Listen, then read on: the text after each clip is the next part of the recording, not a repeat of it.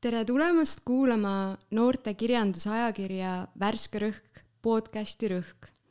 mina olen Tallinna Ülikooli kirjandusteaduse magistrant Grete Alasoo ning tänases saates tuleb jutuks vaimne tervis ja eriti just see, kuidas enda vaimset tervist hoida.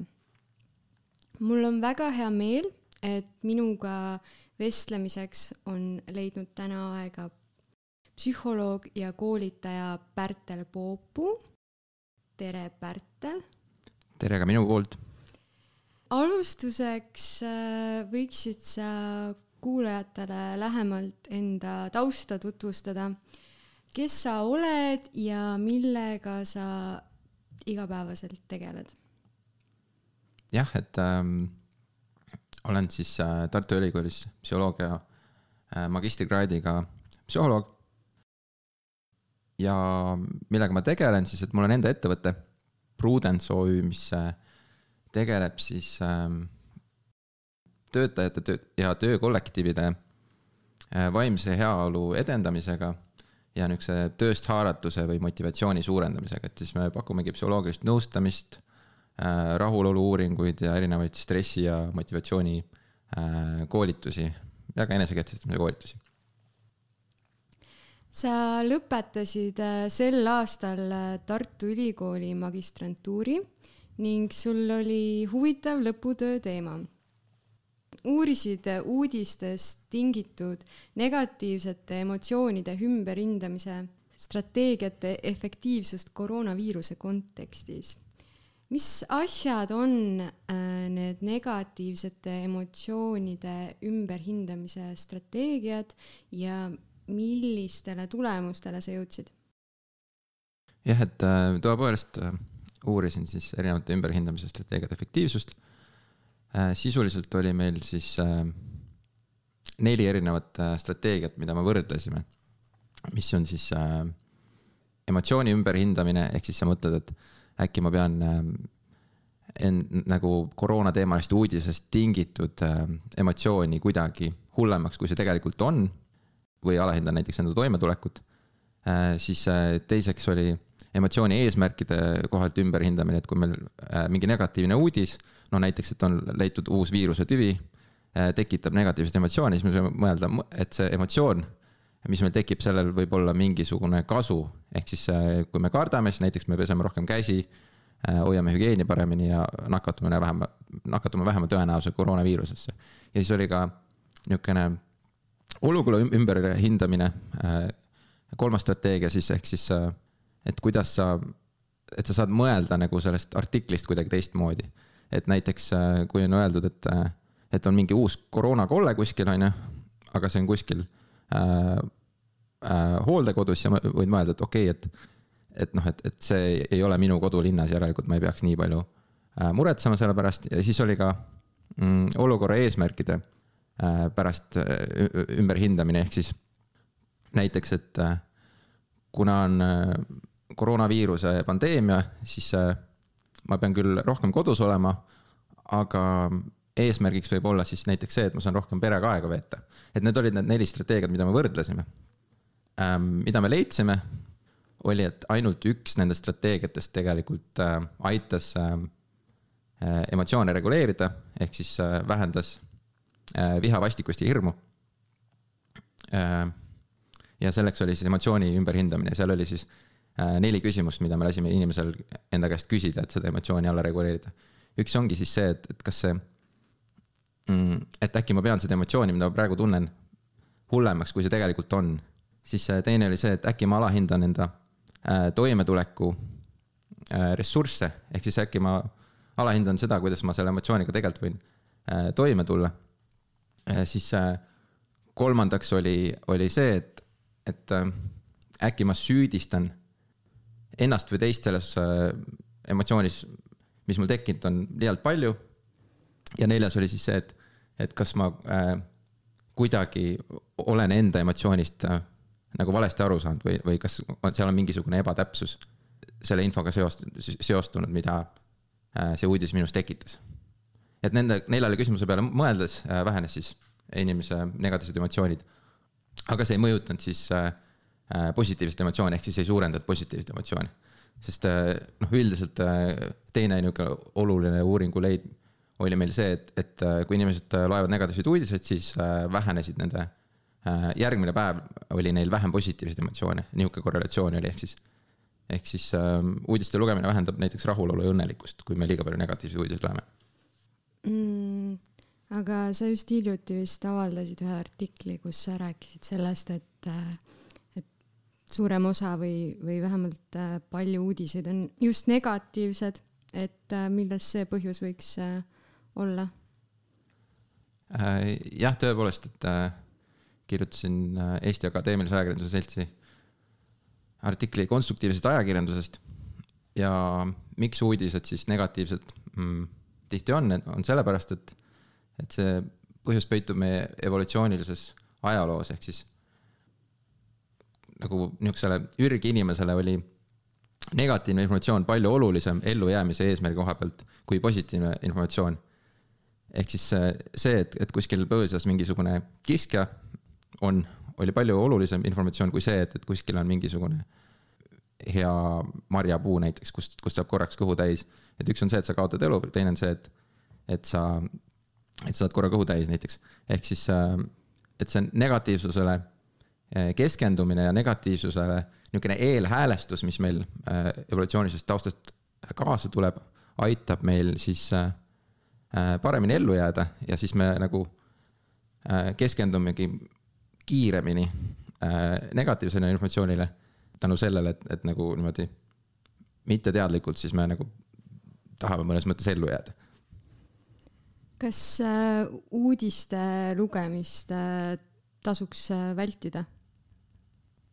Jah, natuke, natuke nihuke provokatiivne küsimus, et äh, noh, kindlasti ei tasuks selles suhtes, et me peaksime ikkagi teadlik olema, mis ühiskonnas äh, noh, mis, mis ohud meis ühiskonnas äh, varitsevad ja, ja mis positiivsed muutused.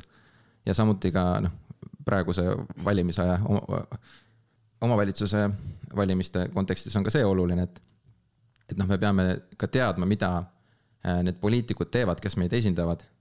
ehk siis, kui me väldime uudiseid, siis me ei tee valides teadlikke otsuseid ja siis ka nagu see on niisugune oht äh, demokraatiale üldiselt aga mida nagu võiks teha, on see, et ähm, äh, pidada uudiste hügieeni nii-öelda, ehk siis ainult teatud aja päevast näiteks lugeda uudiseid äh,. Näiteks hommikul loedki uudiseid, vaatad ülevaate ära, on ju, siis äh, rohkem päeva jooksul ei loe. või noh, mis iganes see kellaaeg inimese jaoks võib olla äh, koroonaviiruse tõttu on meie elu väga palju muutunud sisuliselt kogu õppetöö ja kontoritöö oli vahepeal äh, täielikult internetti kolinud. Minu enda magistriõpingud on äh, sisuliselt terve aeg olnud äh, läbi Zoomi või suurem osa ajast ja, ja see kõik on tegelikult, see kõik mõjutab meie psühholoogilist heaolu ja mind huvitabki, et mis äh, on need ohud, äh, kui kogu meie töö, õppimine ja sotsiaalsed suhted äh, on äh, kolinud internetti mm? -hmm. see võib tekitada meis digiväsimust ja digiväsimus on siis äh, niisugune emotsionaalne ja füüsiline mm, kurnatus või siis väsimus, mis siis äh, tekib äh, liigselt nutiseadmetes olemise tagajärjel. ehk siis äh, kui nagu sa ütlesid, et noh, kogu õppetöö on ju, või siis ka tegelikult laiemalt äh, noh, ka kogu töö nagu kolis väga suures ulatuses kodukontorisse, siis inimesed nagu tihtipeale olidki lihtsalt ja noh, mõned siiamaani on lihtsalt sund, sundasendis kuskil ja vaatavad nagu päev otsa ekraani ja peavad väga palju neid videokonverentse mm. -hmm. ja see siis äh, ajut- nagu vä- väsitab aju ja keha ja, ja mis need äh, digiväsimuse sümptomid on äh,? no näiteks silmade kuivus äh,, siis noh, see, et sa niisuguses fikseeritud asendis oled, on ju, et siis võivad mingisugused lihased näiteks kangeks jääda, on ju ähm,. ka lihtsalt niisugune liigne uimasus, on ju, et noh, näiteks äh, kui me liiga palju arvutis aega veedame, siis äh, ja eriti hilistel öötundidel, et siis me ei pruugi üldse ka järgmine päev nagu välja puhata, on ju, et, et siis see võib mm, -hmm. et siis võib ka tekitada niisugust äh, üldist väsimust ja ka niisugust üksilduse tunnet, isoleeritust teistest. jah, ka niisuguseid negatiivseid emotsioone rohkem nagu kurbus näiteks aga kuidas seda digiväsimust äh, või digitaalset läbipõlemist, äh, kuidas seda vältida saaks mm? -hmm. et äh, jah, et äh, noh, digitaalne läbipõlemine, et, et see on siis nagu digiväsimusest tingitud siis nagu niisugune natukene samm edasi sinna, et, et kus sa oledki nagu rohkem füüsiliselt väsinud emotsionaalselt kurnatud ja sarnane juba läbipõlemisele äh, natukene.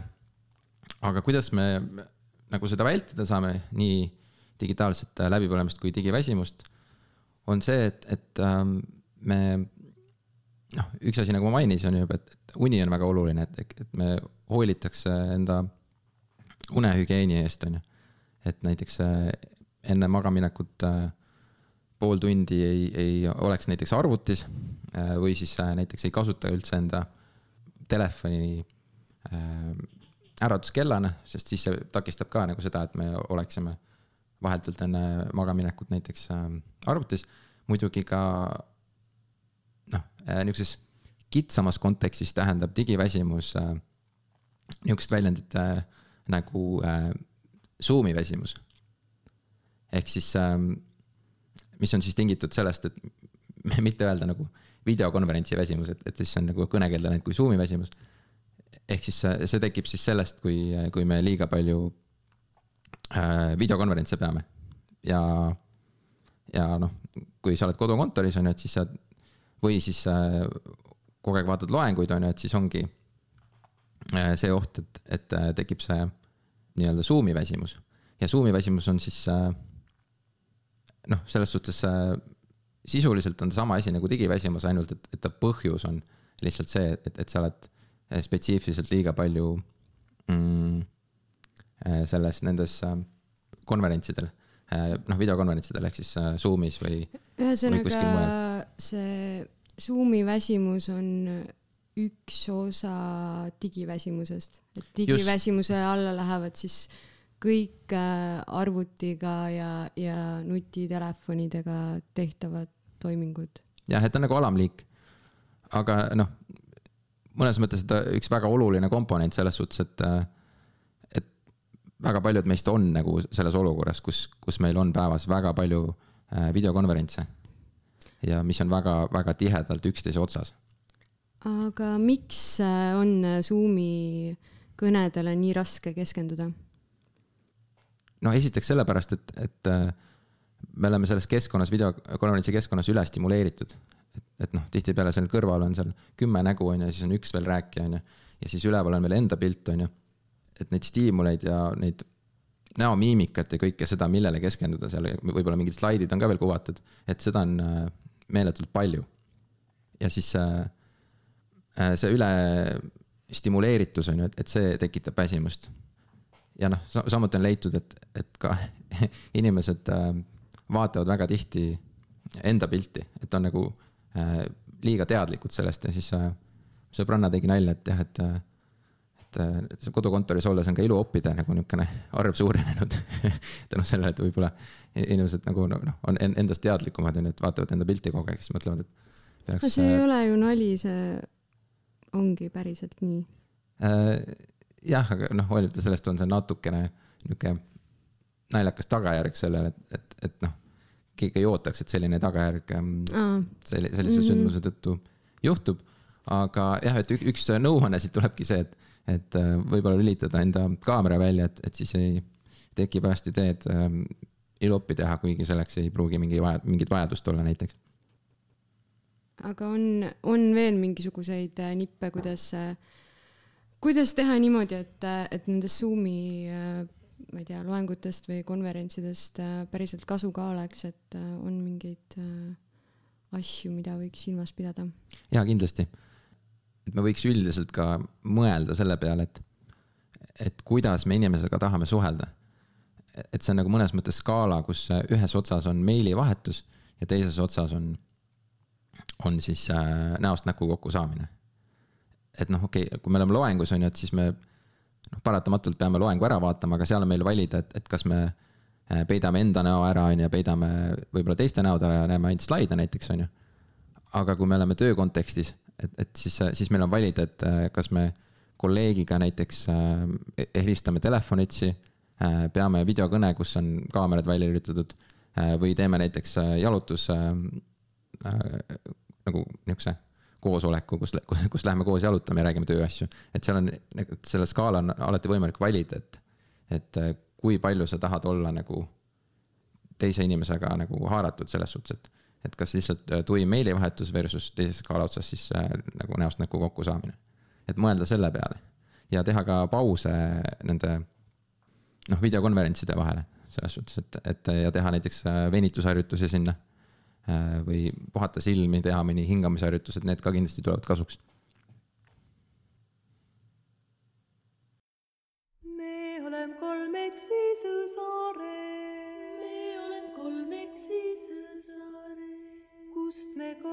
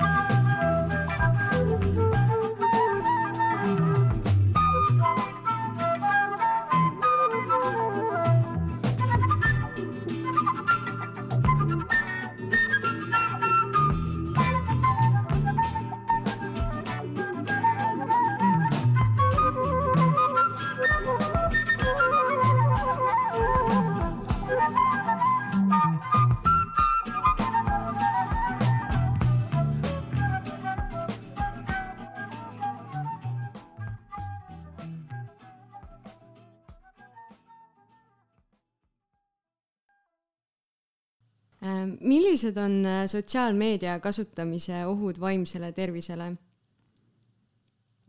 noh, neid mõjusid on kindlasti erinevaid, et üks mõju on niisugune FOMO näiteks, et mis on fear of missing out, et, et kui me liiga palju sotsiaalmeedias vaatame, kuidas teistel läheb hästi, et siis me võime iseennast halvasti tunda. ja näiteks Instagrami kohta on seda ka leitud, et, et see võib äh, teha ka inimesi ebakindlamaks, näiteks oma, oma enda keha osas, selles suhtes. ja, ja võib ka nii olla, et, et me tunneme ennast üksildasena ja siis me läheme roh-, rohkem sotsiaalmeediasse ja siis me vaatame, kuidas äh, teistel läheb äh, hästi. ja siis see võib nagu paradoksaalselt mõjuda hoopis vastupidiselt, me võime rohkem eraldatuna ennast äh, tunda, et need on näiteks mõned mõjud, mis, mis on negatiivsed, aga neid on kindlasti veel. kas see võib ka nagu vähendada seda, et inimesed päriselus oskavad suhelda või või saavad kokku, et kui sa saad selle dopamiinilaksu sealt äh, Instagramist kätte, et siis ei olegi nagu motivatsiooni enam äh, kodust välja minna ja inimestega kokku saada. no kindlasti ta ei asenda inimestega niisugust äh, suhtlemist, kui sa vaatad noh, teiste pilte, aga noh, samas see niisugune noh, koroona ajal eraldi, et, et füüsiline eraldatus versus niisugune sotsiaalne eraldatus, et, et see ei ole ainult negatiivne selles suhtes, et äh, väga tore, et meil on erinevad mm. äh, viisid äh, nagu mingid messenger'id või. see tuli no, väga palju abiks nagu selle koroonapandeemia nagu ületamiseks või, või ellujäämiseks.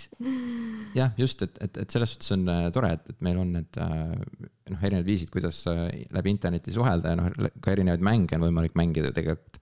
Näiteks äh, mina vist Äh, ühe enda pereliikme sünnipäeval tegime ka, et mängisime lauamänge niimoodi, et, et me nägime üksteise pilte ka läbi mm, Zoomi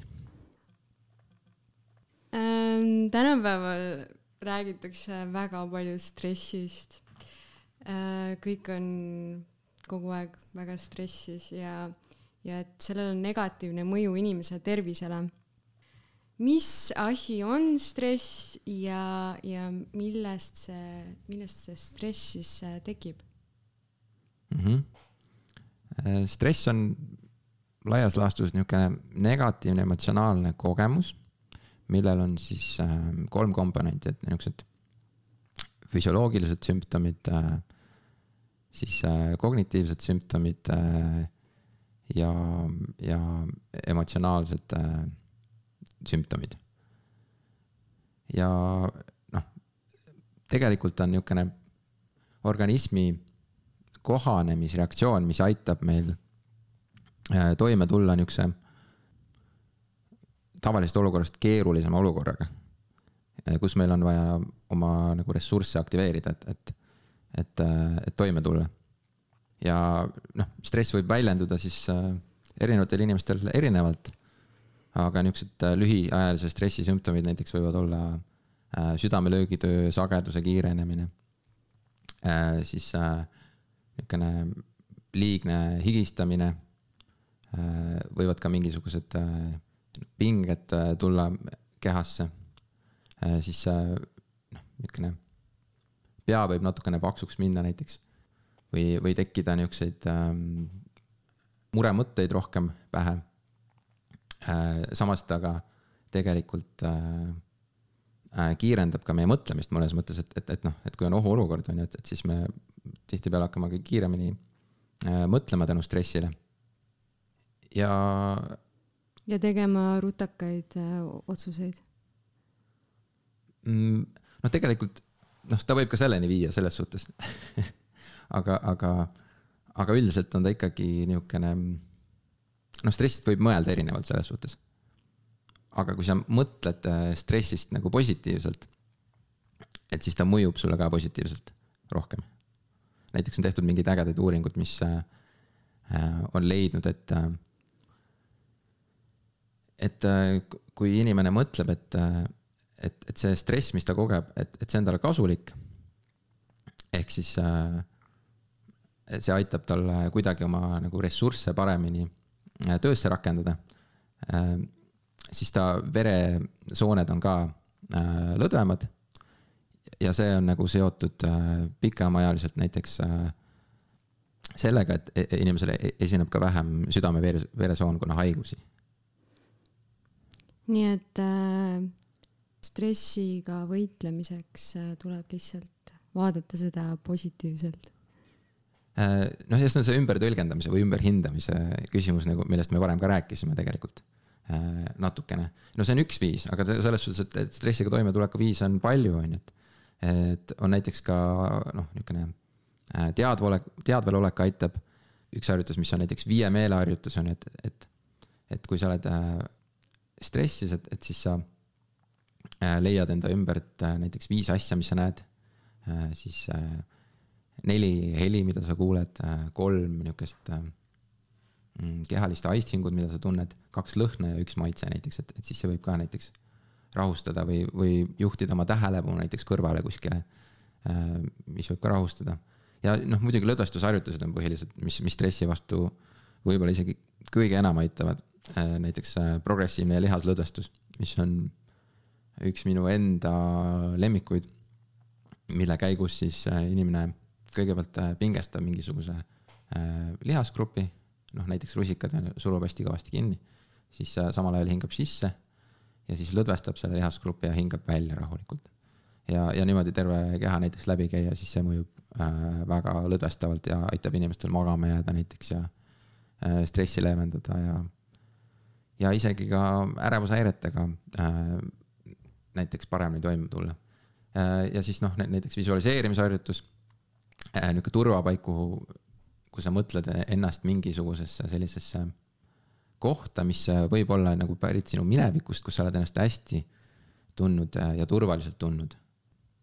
ja see võib ka rahustavalt mõjuda, aga nagu ükski nendest ei ole niisugune universaalne, et ja neid on veel, et, et noh, mõni niisugune harjutus võib ühele inimesele mm, toimida, teisele mitte aga näiteks äh, minu enda Youtube'i kanalis, Prudence O Youtube'i kanalis on näiteks äh, progressiivne lihaslõdvestus ja see mm, visualiseerimisharjutus äh, olemas, et kui keegi tahab proovida, siis sealt leiab. no mis asi on psühholoogiline vastupidavus? psühholoogiline vastupidavus on siis ähm, isiksusomaduste ja oskuste komplekt, mis aitab meil äh, raske olukorraga, olukorraga paremini kohaneda ja sellega toime tulla. et äh, mõnes mõttes on see niisugune nagu psühholoogiline muskel, et, et kui me seda treenime, siis äh,, siis me tuleme suurema raskustega toime ja ka taastume nendest raskustest äh, äh, kiiremini. et, et see on niisugune hea metafoor, on see niisugune veneaegne nukk, mis oli vist trummelnukk et, et kui sa ta lükkad, on ju, et siis ta automaatselt tõuseb püsti tagasi, et see on niisugune hea metafoor psühholoogilisele vastupidavusele. ja, ja mida peaks inimene tegema, et tõsta oma psühholoogilist vastupidavust äh,? uuringud leidnud, et kõige suurem komponent või mis psühholoogilist vastupidavust mõjutab, on, on siis enesetõhusus ehk siis inimese uskumus sellest, kui hästi ta on võimeline olukorraga toime tulema. ja siis seal on erinevad komponendid, mis äh, mõjutavad enesetõhusust. Äh, näiteks meisterlikud kogemused selles suhtes, et, et kui me oleme varem mingi raske olukorraga toime tulnud, siis me noh, siis meil on see ressurss olemas ja me, ja me oleme enesekindlad, me tunneme ka, ka seekord selle raske olukorraga, olukorraga toime et noh, näiteks kui vähe aega mingi ettekanne on vaja valmis saada mingiks tähtajaks, aga me oleme seda varem suutnud teha, siis me teame, et suudame ka seekord äh,. siis on ka äh, vaatlemine, ehk siis äh, kui me näeme, et teine inimene on millegagi nagu toime tulnud, mis on väga raske olnud, siis ta võib meid innustada. ja me vaatame, et okei okay,, et see on võimalik, noh, kui tema tuleb sellega toime, järelikult mina tulen ka sellega toime. ja kolmas enesetõhususe allikas võib olla äh, niisugune eeskujude otsimine ehk siis kui sul on mingisugune eesmärk, äh, oluline eesmärk elus, mis on raske, et, et siis vaadata selles valdkonnas äh, inimesi, lugeda raamatuid, rääkida nagu enda, end inspireerivate inimestega. ja see võib ka äh, siis läbi enesetõhususe suurendada siis psühholoogilist vastupidavust. aga psühholoogilist vastupidavust näiteks äh, on võimalik äh, suurendada ka noh, kõik need lõdvestusharjutused ka kindlasti on ju sinna juurde selles suhtes. Ja äh, ka niisugune tänulikkuse praktiseerimine, et, et iga päev äh, näiteks õhtul võtad aega ja mõtled nende asjade peale, et mis äh, noh, näiteks kolm asja, et mis on äh, selle päeva jooksul sul hästi läinud. ja siis üks, üks oluline asi veel, mis mõjutab just psühholoogilist vastupidavust, on ka väärtused, et kui me teame, et mis meie jaoks elus väga oluline on ja kui me oleme need nagu läbi mõelnud, et siis see aitab ka meil raskel ajal neile toetuda. ja mõelda sellele, et ahah, et me teeme seda asja sellepärast mm. -hmm. ja selle raske perioodi läbi elada. aga kui me ei ole psühholoogiliselt vastupidavad ja, ja juhtub ikkagi see, et, äh, et kõik kasvab üle pea, me enam ei jõua, me põleme läbi, siis äh, mida sellisel äh, juhul peaks tegema või, või, või kuidas üldse saada teada, et ma olen nüüd põlenud läbi? jah, et äh, noh, läbipõlemine on selline mm, sündroom, mida iseloomustab siis kolm tunnust. et üks ongi niisugune emotsionaalne ja füüsiline kurnatus, et noh, tunnemegi, et äh, ramm on otsas, et me ei jõuagi enam tulla toime nende kohustustega, mis meil on, on ju. olgu need siis äh, töö või õpingud või noh, ka igapäevased hobid, mida, mida me varem nautisime, et see võib ka väheneda.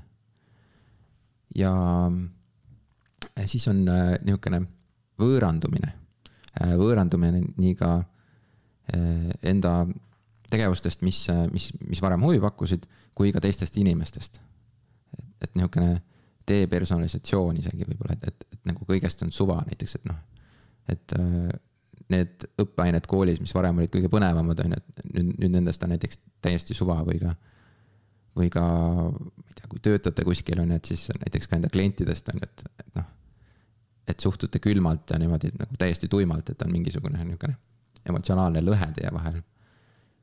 Ja siis on ka see enesetõhusus, millest ma ka varasemalt rääkisin, ehk siis see, mhm, kas inimene tunneb, et ta on kompetentne nendes asjades, mis ta teeb, ehk siis läbipõlenud inimene võibki juba tunda, et teen ja teen ja teen, aga, aga ma ei ole kunagi piisav või ma ei tee kunagi midagi piisavalt hästi.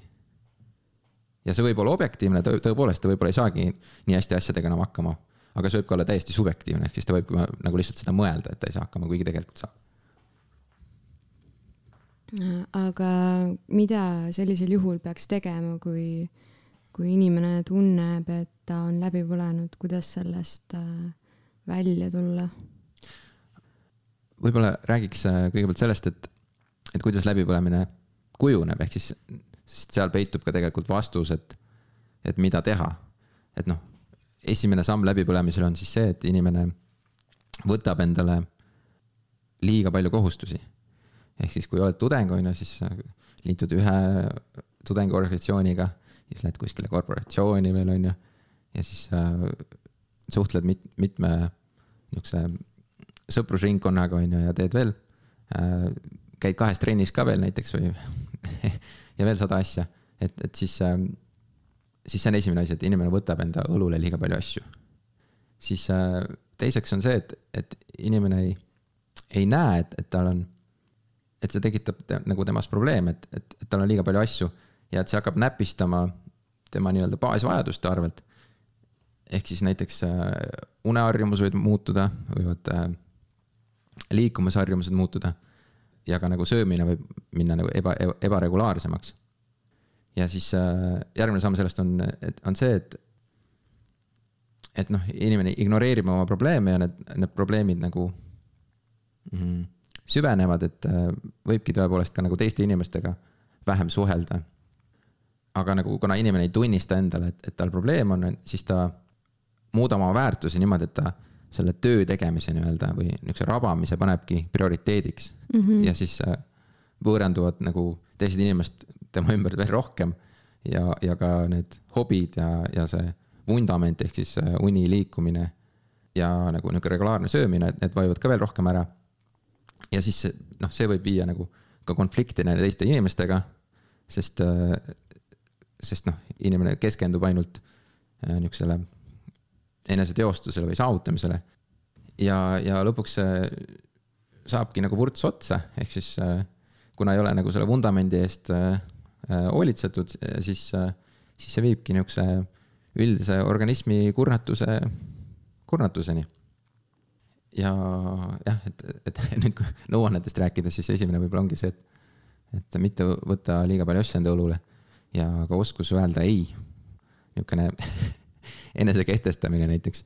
aga kas äh, on mingisugused inimtüübid, kes äh, on siis rohkem äh, altimad läbipõlemisele? no ma ei tea, kas sa ei ole kuulnud nendest jah-inimestest, kes kõigile jah ütlevad? no kindlasti jah, ma mõtlesin, et äkki neurootilisemad inimesed. Äh, neurootilised inimesed kogevad rohkem stressi, tõepoolest, aga noh, et see ei pruugi tähendada seda, et nad läbi põlevad rohkem. ütleks ro- rohkem jah seda mitte, aga, aga tõenäoliselt on see seotud sellega, et, et neurootilised inimesed äh, tänu sellele, et, et nad on rohkem stressialdimad, siis nendega võib äh, äh, läbipõlemine kergemini juhtuda. et, et ma arvan, et see võib olla üks äh, niisugune äh, riskifaktor näiteks. Siis äh, soovitustest äh, äh, veel, et äh, töö eraelu tasakaalu hoidmine kindlasti.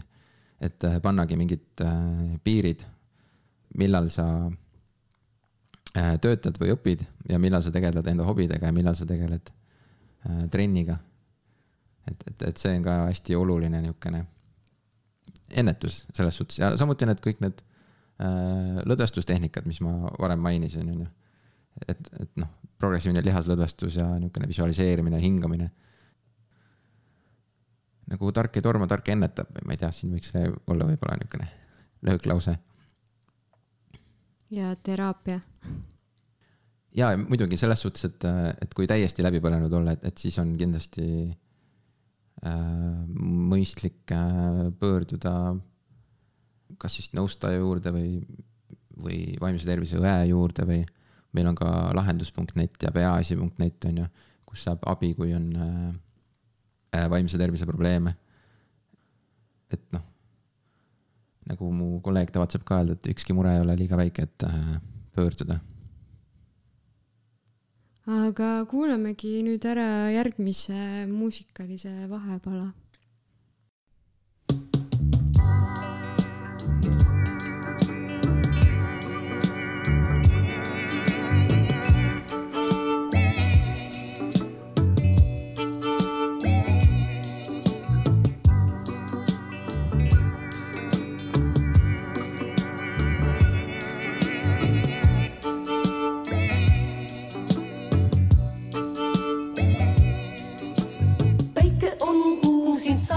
On kõrbes valge, valge, valge liiv ja üks mees, kes viib kaamelite karavanini pikka.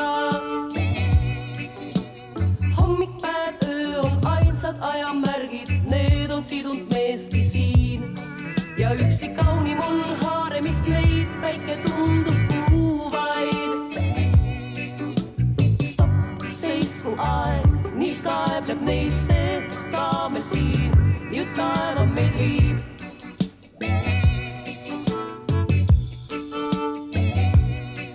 nüüd stopp, seisku aeg, nii kaebleb neid see kaamel siin.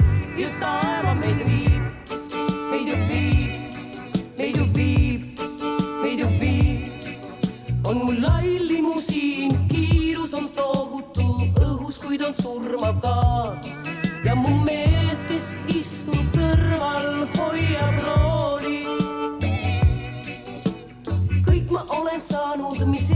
olen ihkanud kodul luksima, aga hingel on külm. ma uurin silmanurgast meest, kes vaatab ainult teele stopp, seisku aeg, nii kaebleb neid see kaamel siin ju taeva meid viib.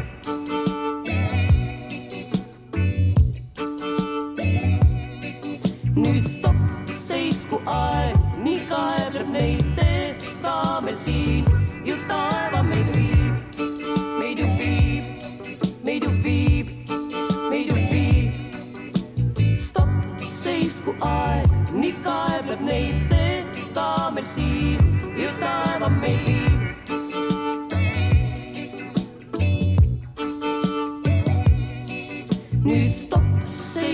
aeg, nii kaebleb neid see ka meil siin, ju taeva meid viib, meid ju viib, meid ju viib, meid ju viib.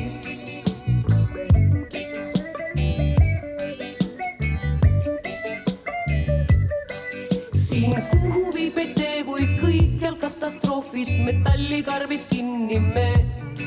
üksi karavan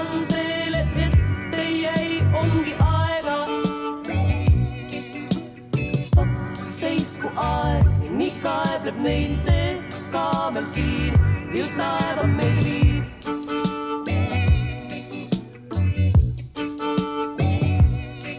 nüüd stopp, seisku aeg, nii kaebleb neid see kaamel siin, ju taeva meid viib, meid ju viib, meid ju viib, meid ju viib. stopp, seisku aeg, nii kaebleb neid see kaamel siin, ju taeva meid viib.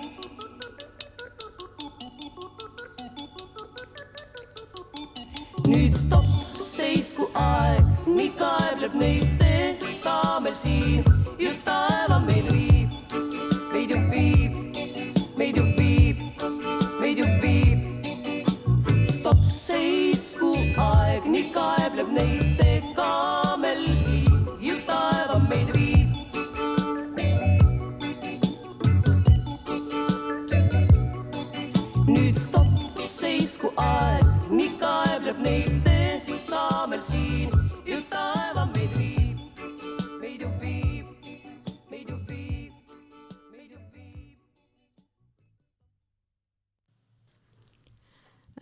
me oleme nüüd äh, vahepeal äh, jõudnud rääkida erinevatest äh, teemadest, millega tõenäoliselt kuulajad suuremal või väiksemal määral saavad kõik samastuda, aga, aga psühholoogia teadusharu tegeleb tegelikult ka spetsiifilisemate vaimse tervise häiretega ja ma mõtlesingi, et võib-olla võiks täna rääkida kahest äh, kõige levinumast vaimse tervise häirest ja väidetavalt on ärevushäired äh, kõige levinumad vaimse tervise häired ja, ja mingisuguse statistika kohaselt, mis ma internetist leidsin, kolmekümne kolmel protsendil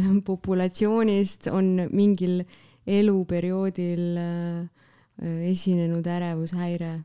et äh, mis asi on ärevus? Äh, ärevus on ähm, niisugune seisund, kus me muretseme millegi pärast, mis tulevikus võib äh, juhtuda ja see tekitab meis äh, pingeid ja stressi ja muremõtteid ja noh, lihaspingeid. ja, ja ta, ta on nagu selles suhtes äh, väga sarnane stressireaktsiooniga, aga, aga kui neid kahte eraldada, siis kui stressil on niisugune üldiselt konkreetne väline stiimul või, või mis seda tekitab või sündmus, mis seda tekitab, et siis äh, ärevusel ja eriti ärevushäirete kontekstis eh, seda ei, ei, ei pruugi alati olla. et noh, muidugi näiteks noh, foobiatega selles suhtes üldjuhul on, on ju, et või nagu ongi kindlalt, et sel juhul sa kardad midagi, mida tavalised inimesed ei karda, näiteks noh, mingeid ööliblikaid on ju. aga näiteks äh, noh, üldistunud ärevushäire puhul on ju, et, et siis, siis inimene on äh, niisugune, üldiselt ta niisugune sümpaatiline närvisüsteem on aktiveeritud ja ta kogu aeg muretseb pidevalt äh, asjade pärast, mida, mille üle tavainimene üldse ei muretse, ehk siis ei ole nagu niisugust äh, konkreetset asja, mis või olukorda, mis stressi puhul näiteks tavaliselt on ja noh, ma ei tea, sotsiaalärevuse puhul muidugi on, on see jällegi olemas, et on noh, niisuguse sotsiaalne olukord, mis seda tekitab. et niisuguses rahvarohkes ruumis näiteks ettekande tegemine. aga millest see ärevus äh, tuleneb, kas äh, see on äh, geneetiliselt äh, kuidagi seotud või, või kasvatusega, lapsepõlvega? Äh, tõepoolest äh, ärevushäiretel on väga suur niisugune geneetiline komponent. Noh, seesama isiksuse on kasvõi see neurootilisus on ju, et, et see korreleerub ärevusega või seostub ärevusega äh, väga tihedalt ja siis ka erinevate niisuguse noh, neuropsühholoogia pealt, poole pealt, et äh, niisugused äh, närviringed on ju, on äh, sensitiivsemad siis, et, et inimene reageeribki stiimulitele äh, intensiivsemalt äh, kui mõni teine. noh, kindlasti ka mõjutab äh, niisugune nagu selles suhtes ka üleskasvamise keskkond. ja, ja ka niisugused ähm, noh, seotuse stiilid näiteks on ju. et, et kui, kui, kui turvaline on olnud näiteks mingisugused äh, suhted vanematega, et, et seal on äh, palju komponente, mis mõjutavad. aga kui kellelgi on nüüd ärevus ja, ja see mõjutab tema igapäevaelu, et siis äh, kuidas ärevusega toime tulla, on seal mingeid erilisi nippe või, või läheb see nagu sinnasamasse suunda selle stressiga toimetuleku mehhanismidega?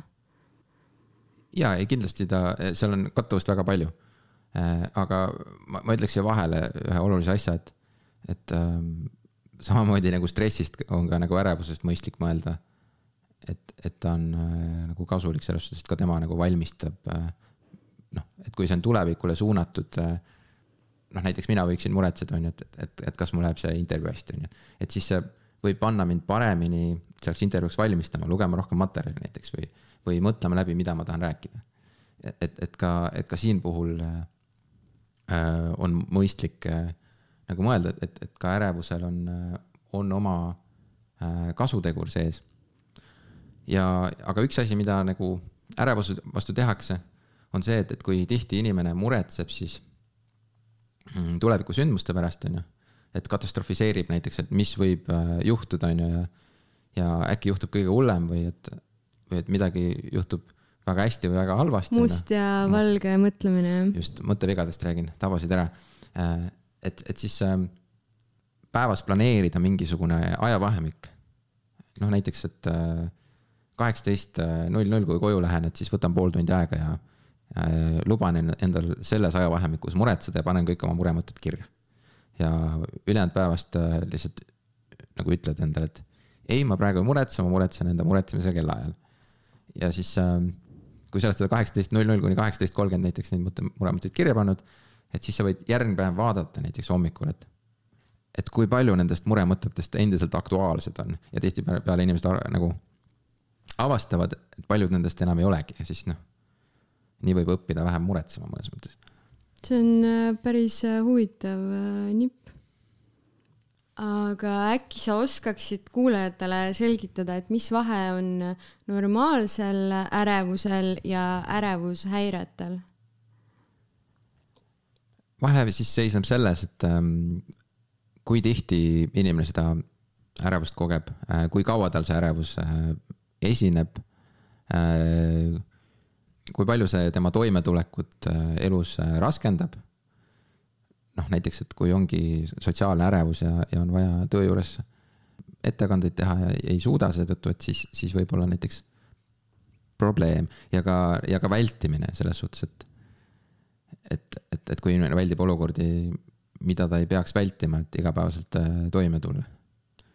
et, et siis siis võib äh, juba rääkida sellest, et, et tegemist võib olla nagu ärevushäirega. See ärevus äh, on hästi tihedalt äh, seotud depressiooniga, hästi tihti nad kaasuvad. mis on depressioon ja kuidas seda ära tunda? depressioon on siis psüühikahäire, mida iseloomustab niisugune vähemalt kaks nädalat kestnud äh, meeleolu langus, millega kaasneb siis ka niisugune väsimus ja niisugune teotahte langus või, või niisugune mm, motivatsiooni langus, inimene ei taha enam teha nende tegevustega nii palju, millega ta varem on tegelenud. aga, aga seal on ka mm, veel sümptomid, mis võivad nagu kaasuda. ehk siis äh, üks on näiteks ärevus, mis on mis võib ka olla nagu depressiooni sümptom äh,. Äh, siis ka äh, niisugune mm, keskendumisraskused näiteks äh,, hajameelsus äh,, niisugune tühjuse tunne äh, võib inimesel näiteks olla äh,. ja söömise käitumise muutused, ehk siis äh, isu võib väheneda või, või ka suureneda mõnel juhul, niisugune uimasus äh, või, või, või siis unetused ka, unetsükkel võib muutuda.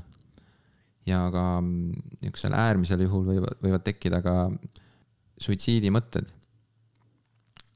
et äh, noh, kindlasti pöörduda abiliini poole, et siis, kui näiteks äh, suitsiidimõtted on tekkinud, mis on peaasi.ee lehel äh, olemas.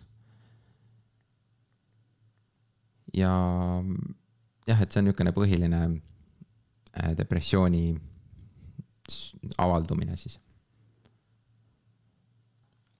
kui inimene nüüd tunneb, et ta on depressiooni sattunud või, või on võib-olla juba päris pikalt depressioonis olnud, siis äh, mida ta tegema peaks?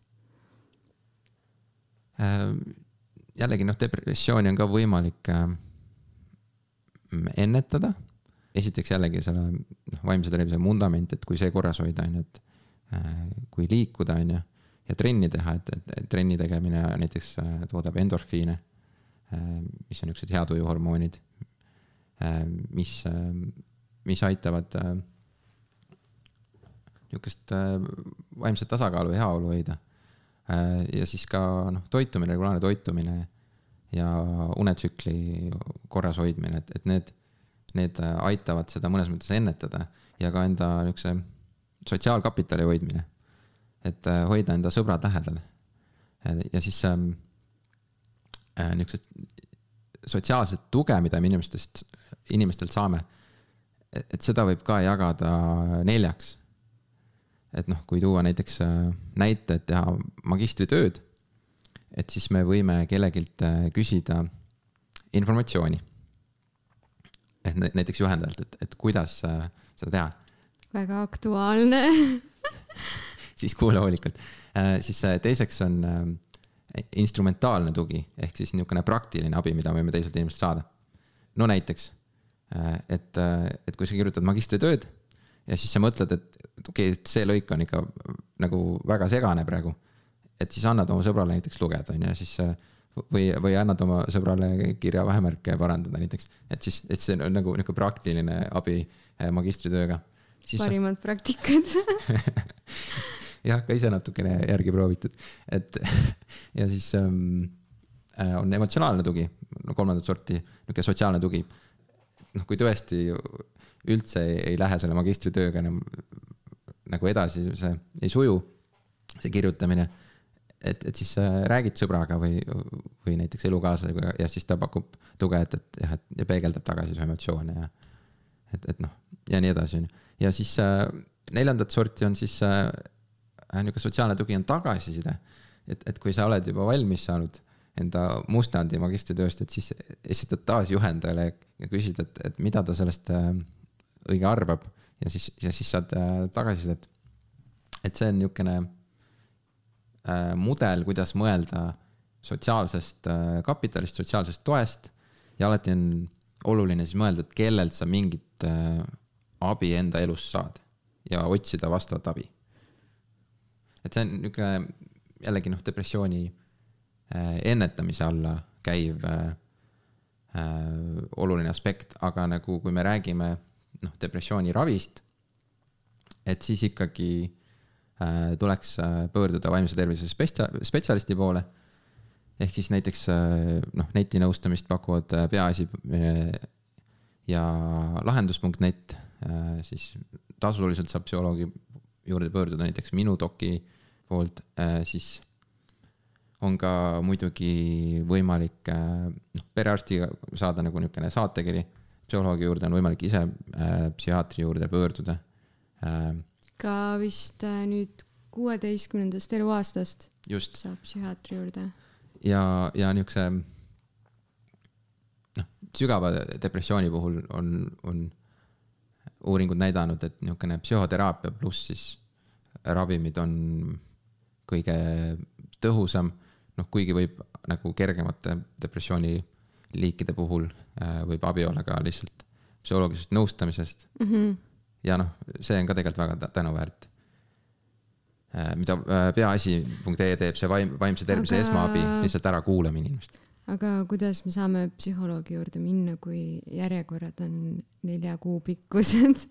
no üks võimalus äh, ongi minna minu doki kaudu äh, tasulise psühholoogi juurde, kus seal, seal nagu üldiselt saab nädala aja jooksul saab endale aja, no muidugi see maksab.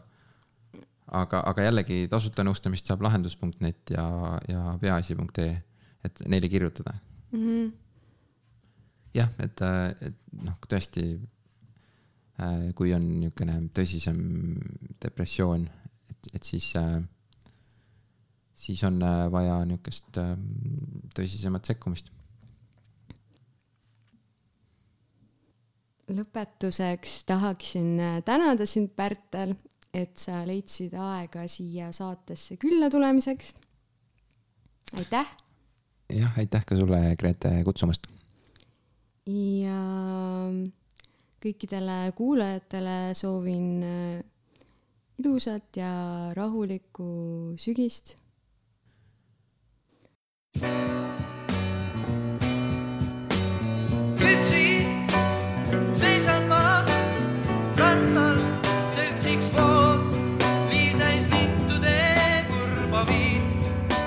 hinges kõle sügistuule naer, hinges kõle